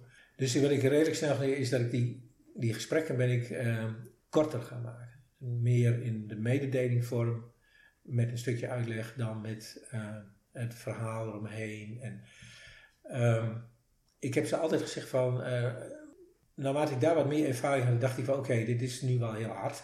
Ja, want je bent niet goed genoeg, dat is nogal ja, wat. ja, precies, weet je wel. Van, dus toen merk ik van oké, dit, is wel, dit is wel heel hard. Um, ik moet daar toch iets anders um, mee leren omgaan. Dus ik um, ben dan gaan, de eerste vraag dan zei wel, wat vind je nou heel erg leuk? En dan zei ze volleybal. En dan zei ik van, dat mag je door mij niet laten afnemen. Dus ik ga je niet iets vertellen wat niet leuk is, maar jij vindt volleybal het leukst, dus dat moet je blijven doen. Dat mag je niet door mij laten afnemen doordat ik nu zeg, ga zeggen dat je niet meer in de selectie zit. En dat heeft wel geholpen, want dan uh, breng je... Een andere ja, benadering. En ik heb ook, naarmate je natuurlijk uh, volleybal zich strategisch en uh, tactisch ontwikkelde, kregen we steeds meer analyseprogramma's. Dat heeft ook geholpen. Kan je het meer onderbouwen? Je kunt gewoon echt met cijfers laten zien. En daar zijn we toch in onze maatschappij ook gevoelig voor. Ja, ik had op een gegeven moment een, een jonge Papendal, die was libero. En daar, die kon, vond ik niet op Papendal blijven. Dat is een heel heftig proces, want er verandert alles dan. Weet je, je moet weg uit je kamer, je moet weg naar, van, naar een andere school, je moet dan een, een club vinden. Dus het is heel Dus dat kun je niet zomaar doen. Maar ik kon, de, kon hem en zijn ouders ook laten zien dat hij van pasende scores de slechtste was. In plaats van de beste. En een libero die een slechte coach eh, scoort op paas dan de paarse lopers die daar staan, ja, die kan niet blijven. En waar uh, En dat heeft ook wel geholpen hoor. Ja, dat, dat, dat, naast het feit van, weet je wel, je mag dat niet van me uh, de, hey, ik noem dan ook de kwaliteiten die ze wel mee uh, ja. met zich meedoen. Maar, mm. En waar stopt dan jouw rol als trainer en waar begint die van de ouders, vind jij? Om dat mentale proces ook te begeleiden naar zo'n nou, toch zware teleurstelling. Ja, op het moment dat ze bij mij de deur uitgaan, uit de kamer, dan is het aan de ouders. Ik heb uh, met sommige spelers, spelers die ik, oh, heb ik dan wel eens, weet je, die, een keer een bel of tegenwoordig natuurlijk heel makkelijk even een appje, hoe gaat ja. het? En, nou ja, goed, die jongen die ik, dat is dan ook wel weer het bijzondere, die ik weggestuurd heb, die heeft het Nederlands team wel gehaald. Dus dat is, als je dat... Ik, dat is heel bijzonder, ja. ja. Uh, hij heeft nu, uh, hij is, keer, een keer voor uitgenodigd. Nou, dan ga ik ook naar hem toe. En dan zeg ik ook van, ja, weet je wel, je mag bij mij niet blijven. Maar je bent ja, hier wel. Maar dan kan je dan toch wel weer... Ja, precies. Weet je, en als je dat maar als coach ja. maar kunt, weet je wel, dat je dat niet als een van, oh, ik heb het fout gedaan. Of ik heb het een nederlaag. Of weet je, als je, nee, dat, je moet het van dat moment. Precies. Ja. Als je, het gewoon maar niet te, je moet het ook niet te persoonlijk maken. En dan dan, dan, dan werkt dat goed. En uit die ervaringen, weet je, en dan, het is natuurlijk een ervaringscoach, of ervaringsberoep uh, coachen, uh, heb ik denk van, ja, weet je, dan, dus ik heb meiden die ik in mijn eerste jeugdoranje die heb ik al tekort gedaan. Ja, puur omdat je toen nog veel onervaren natuurlijk. Precies. Ja. En weet je, we hebben nu, ik de afgelopen uh, jaar heb ik ook uh, op Papendal gewerkt. Ik denk dat ik daar ook met name was door mijn ervaring en dat ik gewoon een trainer ben uh, aan het einde van zijn, van zijn loopbaan. Met drie hele jonge trainers. Er zitten nu drie hele jonge trainers op Papendal. En ik, ik weet nu dat, wat, ik, eh, wat zij nu weet, uh, nog niet weten. Weet je wel? Dat, en dat is niet erg. Alleen we moeten het wel gebruiken, die ervaring. Want uh, ik, heb, ik geef meiden van jeugdjongeren je nu zoveel betere begeleiding dan dat ik was toen ik 35, 36 was. Is dat dan ook het mooie van ouder worden als trainer? Ja, maar ook wel van, ik vind dat ook wel, weet je het probleem is, uh, wat je nu bijvoorbeeld op Papendal ziet, is van, ze kunnen gewoon geen trainers vinden die daar gewoon volle bak voor willen kiezen. Die zijn er gewoon bijna niet in Nederland. Dus wie willen dat wel? Dat zijn de jonge jongens. Ja. ja die nog, uh, dat, alleen dat zijn op dat moment gewoon niet de beste voor het werk wat ze moeten doen. En dat is ongelooflijk. Ik, ik heb ook het geluk gehad hoor. Ik ben heel blij dat ik al zo jong, eh, de jeugd en jongeren, dan heb ik die internationale wereld leren kennen, wetten van de topsport leren kennen. eh, Veel gezien, veel heel- meegemaakt. eh, precies. Dus ik gun die jongens dat ook heel erg. Alleen er moet gewoon wel een stukje anciëniteit moet er gewoon omheen. En eigenlijk ook begeleiding voor de jonge trainers. Precies. En Zou dat, heel eh, mooi ja, zijn daar. ja. En, eh, ja, nee, Ja. Dat, dat, want eh, eh, dat verdienen die meiden ook. Ja, van, Ja. eh, En, maar en de jonge trainer ook, denk ik. want ik heb, ik heb ook. iemand gewoon weggestuurd tijdens het trainen. Ik heb geen zin meer aan jou. Terwijl ik dat nu zeg van, goh, ik merk wel heel veel weerstand. Eh, hoe kan ik die weerstand Ja. wegnemen? Heel anders zou je Ja. dat doen. Ja. En je eh, vertelde mij eerder ook al eens een keer dat je ook wel eh, met teams hebt gewerkt waar dan echt een sportpsycholoog of een mental coach bij betrokken was. Ja. Wat was dan de meerwaarde, of heb je daar een meerwaarde ervaren van iemand die echt sterk voor het mentale stuk betrokken was bij een team?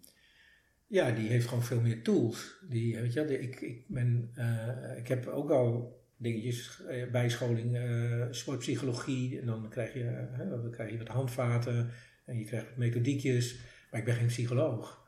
En, Nee. nee. nee. En als je zes jaar psychologie gestudeerd hebt en je hebt dan vervolgens ook tien jaar levenservaring dan. En je hebt eh, mensen in therapie gehad en je hebt topsporters erbij je gehad.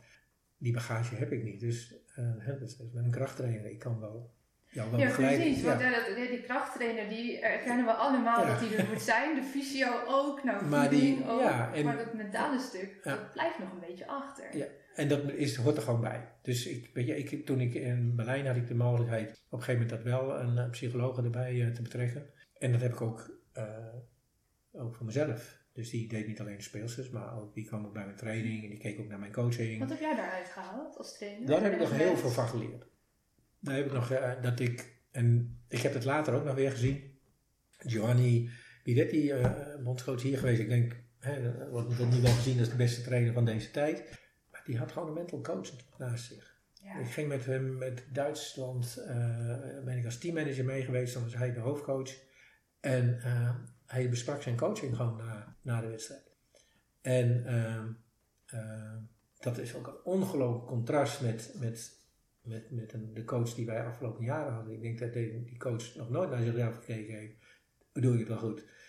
Ja, Eh, daar kan ik weinig over zeggen. ja, maar dat dat, is, dat- die, in- nee, die genoeg, indruk maar- geeft hij mij wel gegeven. Ja. Zo, eh, vanuit, van, zo vanuit zijn eigen gelijk. En ik heb, heb bij Giovanni dat toen gezien. En ik had daarvoor het zelf gedaan. Dus ik, ik wist ook van dat, dat je daar heel veel aan, aan hebt. Weet je. Ik, op een gegeven moment, ik, Wat heb je daaraan gehad? Dan kun je eens een voorbeeld noemen. ehm, oeh, nou, Als je nog iets van Wat- herinneren. ja, jawel, dat wordt wel heel persoonlijk hoor. Dan, ehm, eh, zeg maar om, ehm, ik kom uit een niet zo heel prettige gezinssituatie. En om dat te verwerken heb ik drie jaar in therapie gezeten. Dat heeft me ongelooflijk geholpen om ook een goede coach te worden. Dus ik, ik kan iedereen aanraden, ehm, je hoeft niet in therapie, maar eh, als je de mogelijkheid hebt om een tijdje met een psycholoog te werken, om jouw coaching, jouw training te worden, doe dat. Daar leer je gewoon heel veel van. Die, ik had een niet goede relatie met mijn moeder. En die psy- zorgpsycholoog die heeft mij laten zien dat dat invloed had op mijn coaching. Ja. ja, dat kan ik volgen. Ja. Ik durfde op een gegeven moment soms tegen een speelster die belangrijk voor een wedstrijd, voor het team was, maar die zich gewoon niet committeerde aan het eh, aan team afspraken en eh, het teamdoel en eh, het er te zijn voor het team, had ik ongelooflijk moeite om te tegen te zeggen van.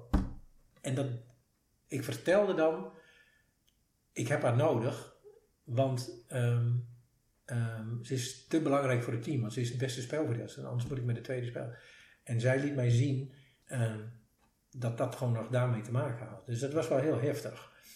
En daar heb ik wel veel van geleerd. Ik ben daardoor ook gewoon nog duidelijker geworden in mijn coaching. En nog, nog duidelijker ook, gewoon, weet je van we hebben allemaal onze ruimte. En, maar als het gewoon niet goed voor het team is, is er geen plek. En heb je dat ook meegenomen eh, in jouw rol als trainer-coach? En dat inzicht dat dus alle spelers en speelsters uit zo'n systeem komen met ouders en Ja. de dingen die daarbij horen. Want dat Precies. lijkt me ook wel een inzicht wat daar dan uit Ja. Hey, iedereen Ja, draagt bepaalde dingen mee daarin. En daar heb ik wel veel van Peter Murphy geleerd, die het action type. eh, nou, ik, ben, ik ben niet een action, action type adept, maar wat ik er wel van geleerd heb, ehm, is eh, dat iedere speelster of speler die staat op zich en heeft een andere manier nodig. En het Action Type geeft allerlei tools en, om, om daarmee te werken. Die gebruik ik in een bepaalde basis gebruik ik dat. en daar heb ik echt wel veel aan gehad. Dat je met, dat je met verschillende speelsters verschillend omgaat. En als je dat ook uitlegt in de groep.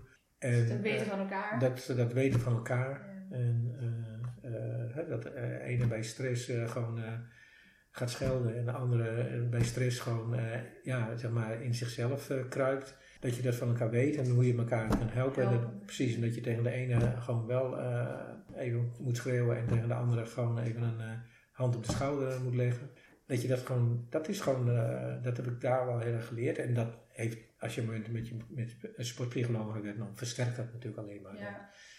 En, en mooi om te horen dat het ja. jou zo ontzettend veel heeft gebracht. Je ja. heel inspirerend is. Dat is zo, ik, ik, ja, en als je, ik heb op een gegeven moment ook boven de top, ja, we hebben met het nationaal team en dan ga je, dan, iedereen heeft talent. Iedereen heeft hard getraind.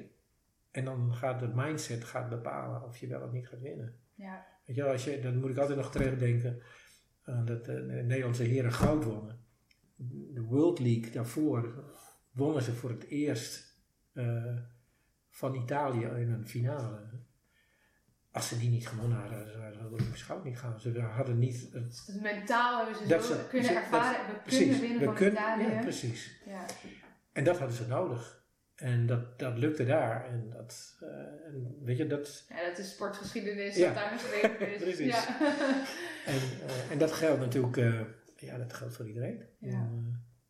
Als je zo eens kijkt naar alles wat je hebt verteld, zowel binnen als buiten het volleybal. Um, wat zou je zeggen is dan de grootste les die jij als mens hebt geleerd? Oeh. Mm, dat heeft mij natuurlijk als mens ook ongelooflijk verrijkt. Ehm, ik heb een fantastisch leven doorgehad. Ik had me dit niet voor kunnen stellen. Want toen Klaas voor mij vroeg, um, uh, wil je mee naar Sneek en assistent worden? Toen dacht ik nou, vind ik dat wel leuk? Word ik daar wel genoeg in uitgedaagd? Uh, en ik had geschiedenis gestudeerd, dan ben je de hele dag aan het lezen en over allerlei dingen aan het nadenken. En dacht ik, ga ik zoiets als en nou ja, er is een wereld voor me open gegaan. En ik heb natuurlijk dat, ook mijn geschiedenisstudie daarin meegenomen. En dat je ook op een academisch niveau uh, gewoon uh, met sport bezig kunt zijn. En met speelsters bezig kunt zijn. En, dus dat heeft mij uh, een fantastisch mooi leven gebracht. Ja, en ehm, ik heb natuurlijk ook, ook wel gewoon natuurlijk ook wel lastige momenten gehad. Uh, maar ja, dat geldt voor iedereen. En dat geldt ook als je niet in de sport werkt. Kan je nog een mislukking herinneren, of een mislukking tussen haakjes waarvan je denkt, oh dat heeft mijn leven echt wel gevormd? Een mislukking? Nee. Dat heeft mijn carrière al... gevormd misschien? Zo'n iets kleiner maken. Ja. uh, nee. Ik ben geloof ik ook iemand die, uh, als het al een mislukking zou zijn, uh, dat zou verdringen.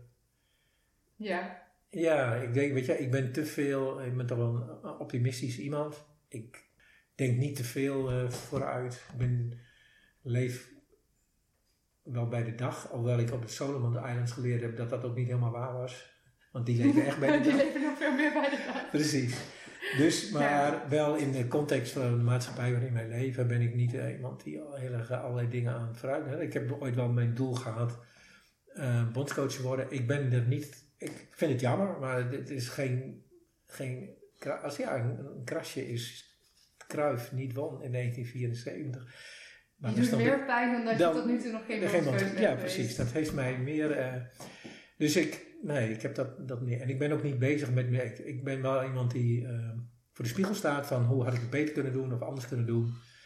En, en soms kom ik tot de conclusie, hé, hey, nou ja, er was ook nog een andere weg, die was misschien wel beter geweest. Ik heb die keuze gemaakt nou ja, dan, ja, daar moet je ook mee door. Daar moet je dan ook mee dealen. Um, waar ik benieuwd naar ben, wat of misschien waarover leer je op dit moment? Uh, um, nou, het is leren, um, naarmate je, uh, zeg maar, als je wat ouder wordt, dat je, je bewustzijn is gewoon groter. Ja, op het moment dat je uh, uh, beginnend trainer bent, dan zit je in een soort TGV en die gaat uh, dendert door en, en je zet die niet stil.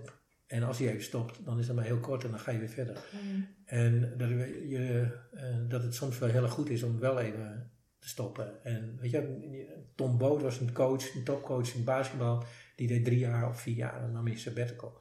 Ik denk dat dat heel erg goed is. Dat je tijd neemt voor contemplatie, voor even andere dingen doen. En, uh, en uh, dat is wat je gewoon op momenten, zeker als beginnend coach, weet je, je moet ook gewoon, zoals Bert zei, de schoorsteen moet roken. Je moet ook gewoon je geld verdienen. Dus je hebt ook op een gegeven moment zoiets van, ja, we moeten wel winnen en we moeten nu wel deze plek halen. En uh, dat geeft een hele andere dynamiek. Dat moet je ook doen, want daardoor is er geen escape. Dat is denk ik veel trainers in die hebben dat nooit in Nederland, kennen dat niet. Van hé, hey, als ik mijn contract niet, als ik nu niet win, dan komt het. Met van die druk word je ook wel beter. Ja, maar eigenlijk zeg je dus, hè, maar je moet wel moment, terugnemen, ja. maakt je misschien ook beter. Ja, precies. Ja. En alleen in het begin, uh, ik kan dat nu doen, omdat ik uh, ja, zoveel jaar en. en daar kom je eigenlijk ook wel terug bij hoe mooi zou het zijn dat als je als jonge speler of als jonge trainer uh, misschien een ervaren iemand naast je hebt die dat je ook even in kan fluisteren af en toe van hé, hey, het is ook heel goed om heel even gas terug om weer voor de bak vooruit te kunnen. Ja, dat is gewoon, dus er moet gewoon een, een balans zijn van uh, jonge honden en uh, van ervaring. Dat is gewoon, dat is wel uh, belangrijk. En, en, zeker voor als je in een opleiding zit, is dat, is dat gewoon van groot belang. En ik leer ook, weet je, als ik met die jonge coaches die gebruiken natuurlijk de, de, huidige tools van telefoon en dan nog weer heel anders met wat je daar allemaal kunt inzetten. Uh, die ik dan uh, maar niet uh, zo ken. Dus dat, dat leer ik daar ook weer van. Dus dat is ook heel erg leuk. En, dan, en ook dat die meiden, die, ja, die, die communiceren nu anders. Ja, die, en, um, en soms ook een manier dat ik, hè, ik had een paar maal echt de regels zo van, um, we kunnen over alles appen, maar als je niet op een training komt, dan bespreek je dat met mij. Want de drempel van een app of van mij bellen en zeggen dat je niet wil, is heel, heel anders. ja. Dus je moet ook weer dingen van, oké, we, kunnen met appgroepen heel veel dingen doen en worden heel veel dingen makkelijk. Maar er zijn ook momenten, dan moet het mens-mens blijven. En, ja. Uh, om, goed. Uh, en, maar wat ik nu, ja, weet je, ik lees nu dit over hoe de Russen zich in Afghanistan. Nou ja, mijn volgende vraag zou zijn: als het gaat over leren, welk boek zouden we allemaal moeten lezen? Je bent nu deze aan het lezen, ik weet niet of, ja, of nu, die dan. Uh, die lees ik nu, nee, dat is niet het, maar, maar dat gaat Even misschien hardop voor degene die uh, luisteren. Dat is Svetlana, Svetlana Alexejevich en die heeft Zinkjongens geschreven en daar bespreekt ze uh, en laat ze uh, militairen, hospice, vrouwen die in de Afghaanse oorlog in 1980, 1988, 89 zijn geweest toen de Sovjet-Unie Afghanistan ingetrokken is. Om te zien dat voor de mentaliteit van die Sovjet-Unie en nu ook van Poetins Rusland, een mens doet er niet toe. Het gaat om het grote geheel, om het grote plaatje. En het doet er niet toe of daar honderd mensen bij staan, of daar eh, honderd mensen of daar wel of niet goed voorbereid naartoe gaan. Of, het doet er niet toe. En dat, dat krijg je daar heel goed beeld. En dat is natuurlijk nu wel belangrijk om te weten. He, want als naar een boek gaan, maar dat, moest ik natuurlijk, dat is eigenlijk ook gemeen aan iemand die geschiedenis studeert, vragen wat is je beste boek? Want je hebt natuurlijk ja, heel precies, veel Ja, en misschien even voor degene die luistert, ik heb deze vraag wel even vooraf doorgespeeld. Ja. En welk boek heb je gelezen dat we allemaal zouden moeten lezen? Wat ik een heel fascinerend boek vond uit het begin van mijn uh, studententijd was uh, Een man van Oriane Fallaci. Uh, dat gaat over um, een Griekse vrijheidsstrijder die tegen de, in de jaren 70 was Griekenland een dictatuur. Zij is een journaliste. Um, zij wordt ook verliefd op hem. Dus er zit alles in. Er zit vrijheid in. Um, de linkse oppositie tegen de dictaturen die destijds, dus ook Sartre met zijn filosofie komt daar, Allende die in Chili door de CIA vermoord eh, komt daar te sprake. Zijn, hoe hij daar gemarteld wordt, komt ter sprake tot in detail. Het gaat echt, de rillingen gaan je over je rug. Uh, het is een, een tragedie. Het is een, het is, het is alles. Het is een dik boek. Uh, dus je moet er uh, echt wel doorheen. Maar het, het, is ook een boek. Uh, ik heb ook, weet je, het is een boek waar je dingen in schrijft. Ja, En waar je stukjes leest. Stukjes leest, schrijft, dus terug. En eh, dat, dat kan ik, ehm, als je tijd hebt, het, het is niet een boek eh, wat je even tussendoor, eh, gewoon af en toe even een paar. Als je op vakantie gaat of eh, je bent, eh, hebt even tijd voor, echt tijd voor jezelf. eh, eh, de kerst is niet voorbij, maar zo'n periode is dat de een. eh, man. de van- man van Oriani Fallaci. Oké, we gaan het Dus- eh, er even bij zetten. Maar weet je, ik, ik kan dat niet. eh, als in de tijd. Eigenlijk zou je nog vijf Ja. boeken willen noemen. Ik In zie de het. tijd waarin we nu leven, moet je kennis hebben. Eh, weet je, eh, we leven in een democratie en eh, die staat ontzettend onder druk. Dan moet je, iets, moet je eh, kennis hebben van ehm eh Karl Popper. Karl Popper, ken, ken je haar? Hè? Ja, ik durf nu natuurlijk Nee, niet te zeggen van niet. Karl Popper heeft eh, de open Jongens, je samenleving. niet als je luistert. Nee, de open samenleving en haar vijanden. En daar beschrijft hij op een gegeven moment ook dat je van binnenuit, als er gewoon van binnenuit, zoals in Nazi-Duitsland gebeurd is, Hitler is op een hele legale manier aan, de macht gekomen. Dat is ook, ehm, Wilders wil geen onderdeel zijn van een verbeterde democratie. Baudet wil niet onderdeel van zijn. Dan mogen wij die ook bestrijden. En eh, weet je wel, die discussie die er nu gaan is, gaan is van, mogen we zo'n partij verbieden? En daar moeten we heel eh, zorgvuldig mee omgaan. Maar dat beschrijft hij dan ook als het gewoon echt, als het gewoon om, om politieke partijen, om mensen gaat die die democratie willen ontmantelen, beschadigen en willen beëindigen, dan hebben we het recht om daar tegen op te treden. En nog even één keer die titel, want we spraken net een klein beetje door elkaar heen toen je het noemde. Dat is eh, de open samenleving en haar vijanden, van Karl Popper. En weet je wel, dit is niet makkelijk, dit is, dus, maar ik vind iedere docent aan het HAVO-VBO moet zijn leerlingen dat uitleggen. En, eh, en als ik nu even terug ga naar nu, Ja? dan ehm, eh, het laatste boek, zeg maar, wat ik, zeg maar, wat ik uitleg, is van ehm La Legule, Ik wil leven. En daar ben ik heel erg van geschrokken. Ik heb, kan me, ik heb me niet, weet je, ik leef, hier, ik leef natuurlijk in mijn sportbubbel. Ik heb mijn mooie leven hier eh, in, of mijn mooie huis hier in, bij- in Almere Poort. Daar is alles rustig en aardig. Ik heb een fantastisch leven in mijn appartementje in Berlijn.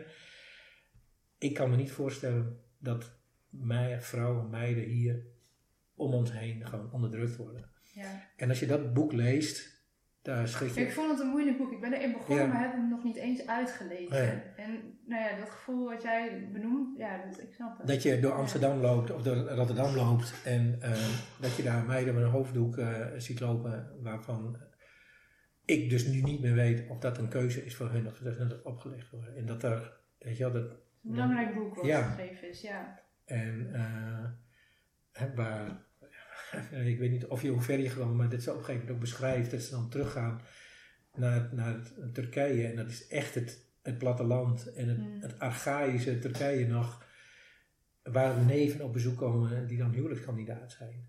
ja. En dat ze dan incest om zich heen zitten en dan dat zij is dan heel slim en dat ze zegt van heeft dat met elkaar te maken. En dat dan gezegd wordt dat Allah dat goed vindt. En ehm, dat gebeurt hier nog om ons heen, weet je, dat vind ik wel heel heftig. En dan, Ja, dat besef je niet als je gewoon je gewone leven leeft. Je eigen dat- leventje leeft. dan neem ik twee dingen mee, daar kunnen we ook goed, goed eh, vind ik, eh, mee eindigen. Dat past heel erg bij mij, is eh, als je dit boek eh, en als je dat boek van eh Oriane Fallaci en de van Alexievich. eh ik heb geleerd van een professor, ik eh, was van mijn eerste jaar, ik weet het niet meer precies, maar ik weet dat het uit mijn geschiedenistijd, uit mijn eerste tijd kwam. Die vertelde ons nationalisme en religie zijn gevaarlijke hersenspinsels. En eh, dat is denk ik ook wel zo. Nou, jij zegt daar kunnen we goed mee afsluiten, maar ik had nog een iets andere afsluitende vraag bedacht als je het niet heel erg vindt.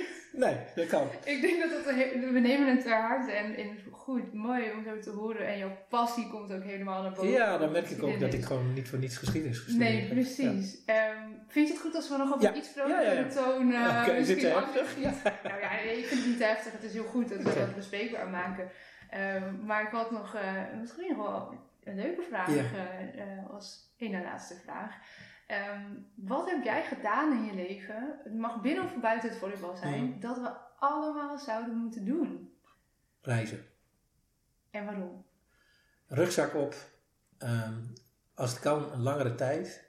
Dat je loskomt van, ehm, eh, van Nederland. Waar je, of los, loskomt van de, de, de plek waar je gesocialiseerd bent. En als je dat dan voel je dat je eh, dat er nog heel veel andere normen en waarden zijn en hele andere, dat er ook nog heel andere dingen in jezelf zitten ehm, eh, dan dat je op dat moment denkt. Je bent op veel plekken geweest. Wat zou je zeker mensen aanraden om naartoe te gaan? Nou, we hadden het net over Turkije. Ik ben op, um, in Nemrut geweest. Dat noem ik heel vaak.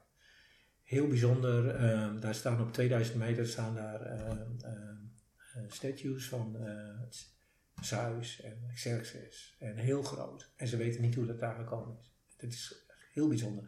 Dus je gaat daar ook, uh, ik ben er met een Ford transitbusje ben ik daar omhoog gegaan. En dat was nog een hele bijzondere tijd, want het was daar toen met PKK-oorlog. Dus ik ging op een gegeven moment en dan stonden de Kalashnikov stonden in, uh, in, uh, in de hoek. Oké. maar, maar dat is een hele bijzondere plek. Ehm, Brazilië is een van fantastisch mooi land. En wij realiseren dat niet, maar dat is groter dan Europa. Het is enorm. Ja, ja. ik heb in Suriname gewoond. Oh, het ligt er aan de grens. En dan denk je dat Suriname groot is. Nou, en dan kijk je even op de kaart en dan besef je hoe groot Brazilië dan niet is. Ik ben door de Gobi Desert geweest. Fantastisch. Met een, met een gids en een, en een chauffeur. En dan dat je gewoon denkt van, waar, hij weet waar we zijn. Maar ik weet echt niet meer waar ik ben. Weet je wel, zo. Ja, dat je ook gewoon blind vertrouwen dan. Ja, ik ben door um, met volleybal in Japan geweest. Heel bijzonder. Ik ben met, met Cindy, uh, met de, de rugzak, zijn we de brug overgelopen en zo China ingegaan. Dat je niks weet, dat je dat op je, je, je VPN en Google en dan translate en dat je dan moet hopen dat je op de goede plek komt. Dat je dan dan krijg je gewoon uh, een ander beeld van de wereld, van jezelf. En ja. daar kan ik iedereen uh, aanraden. Ja, daar kan ik me alleen maar bij aansluiten. Dan heb ik nog één allerlaatste vraag uh, ter afsluiting van deze podcast. Um, Watch Your Story is er natuurlijk voor sporters die al dan niet tijdelijk moeten stoppen met hun sport. blessures, niet meer geselecteerd worden, soms ontbreken financiën in heel veel sporten, mhm. of welke andere reden dan ook.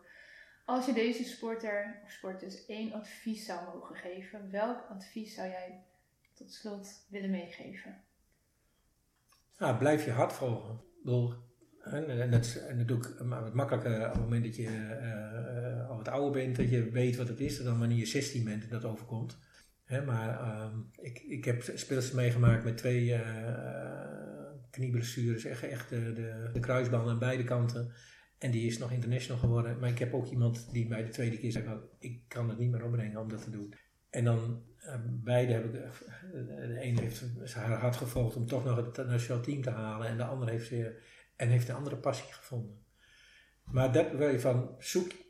Je, hebt meer dan één talent. En je hebt meer dan die ene passie. Dat weet je misschien uh, niet. Maar zoek iets wat, waarin je passie voelt. En als je dat doet dan kun je ook na een hele grote teleurstelling, doordat je uh, ziek wordt of geblesseerd raakt of niet geselecteerd wordt, ga je iets vinden uh, wat je weer heel veel voldoening en blijdschap en vreugde gaat geven. Dat kan niet anders. Dankjewel, daar sluiten we graag mee af. Oké. Okay. Dankjewel voor het luisteren naar deze aflevering van de Watch Your Story podcast. Ben je op zoek naar een luisterend oor omdat je in een lastige fase zit binnen of na jouw sportieve leven? Word dan vandaag nog lid van ons platform. Dit kan heel eenvoudig via watchyourstory.nl.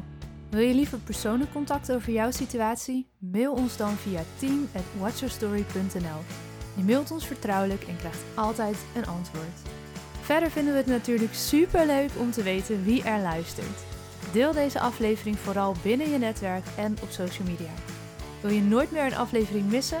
Abonneer je dan op ons kanaal via jouw favoriete podcast-app. Nogmaals, bedankt voor het luisteren. Tot de volgende aflevering en onthoud, your story counts.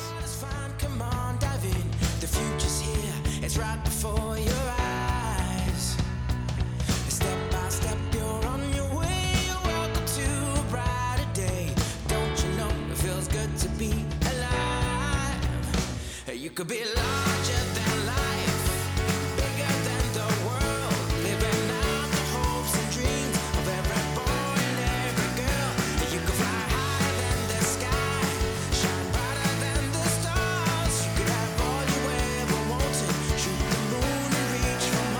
know you could.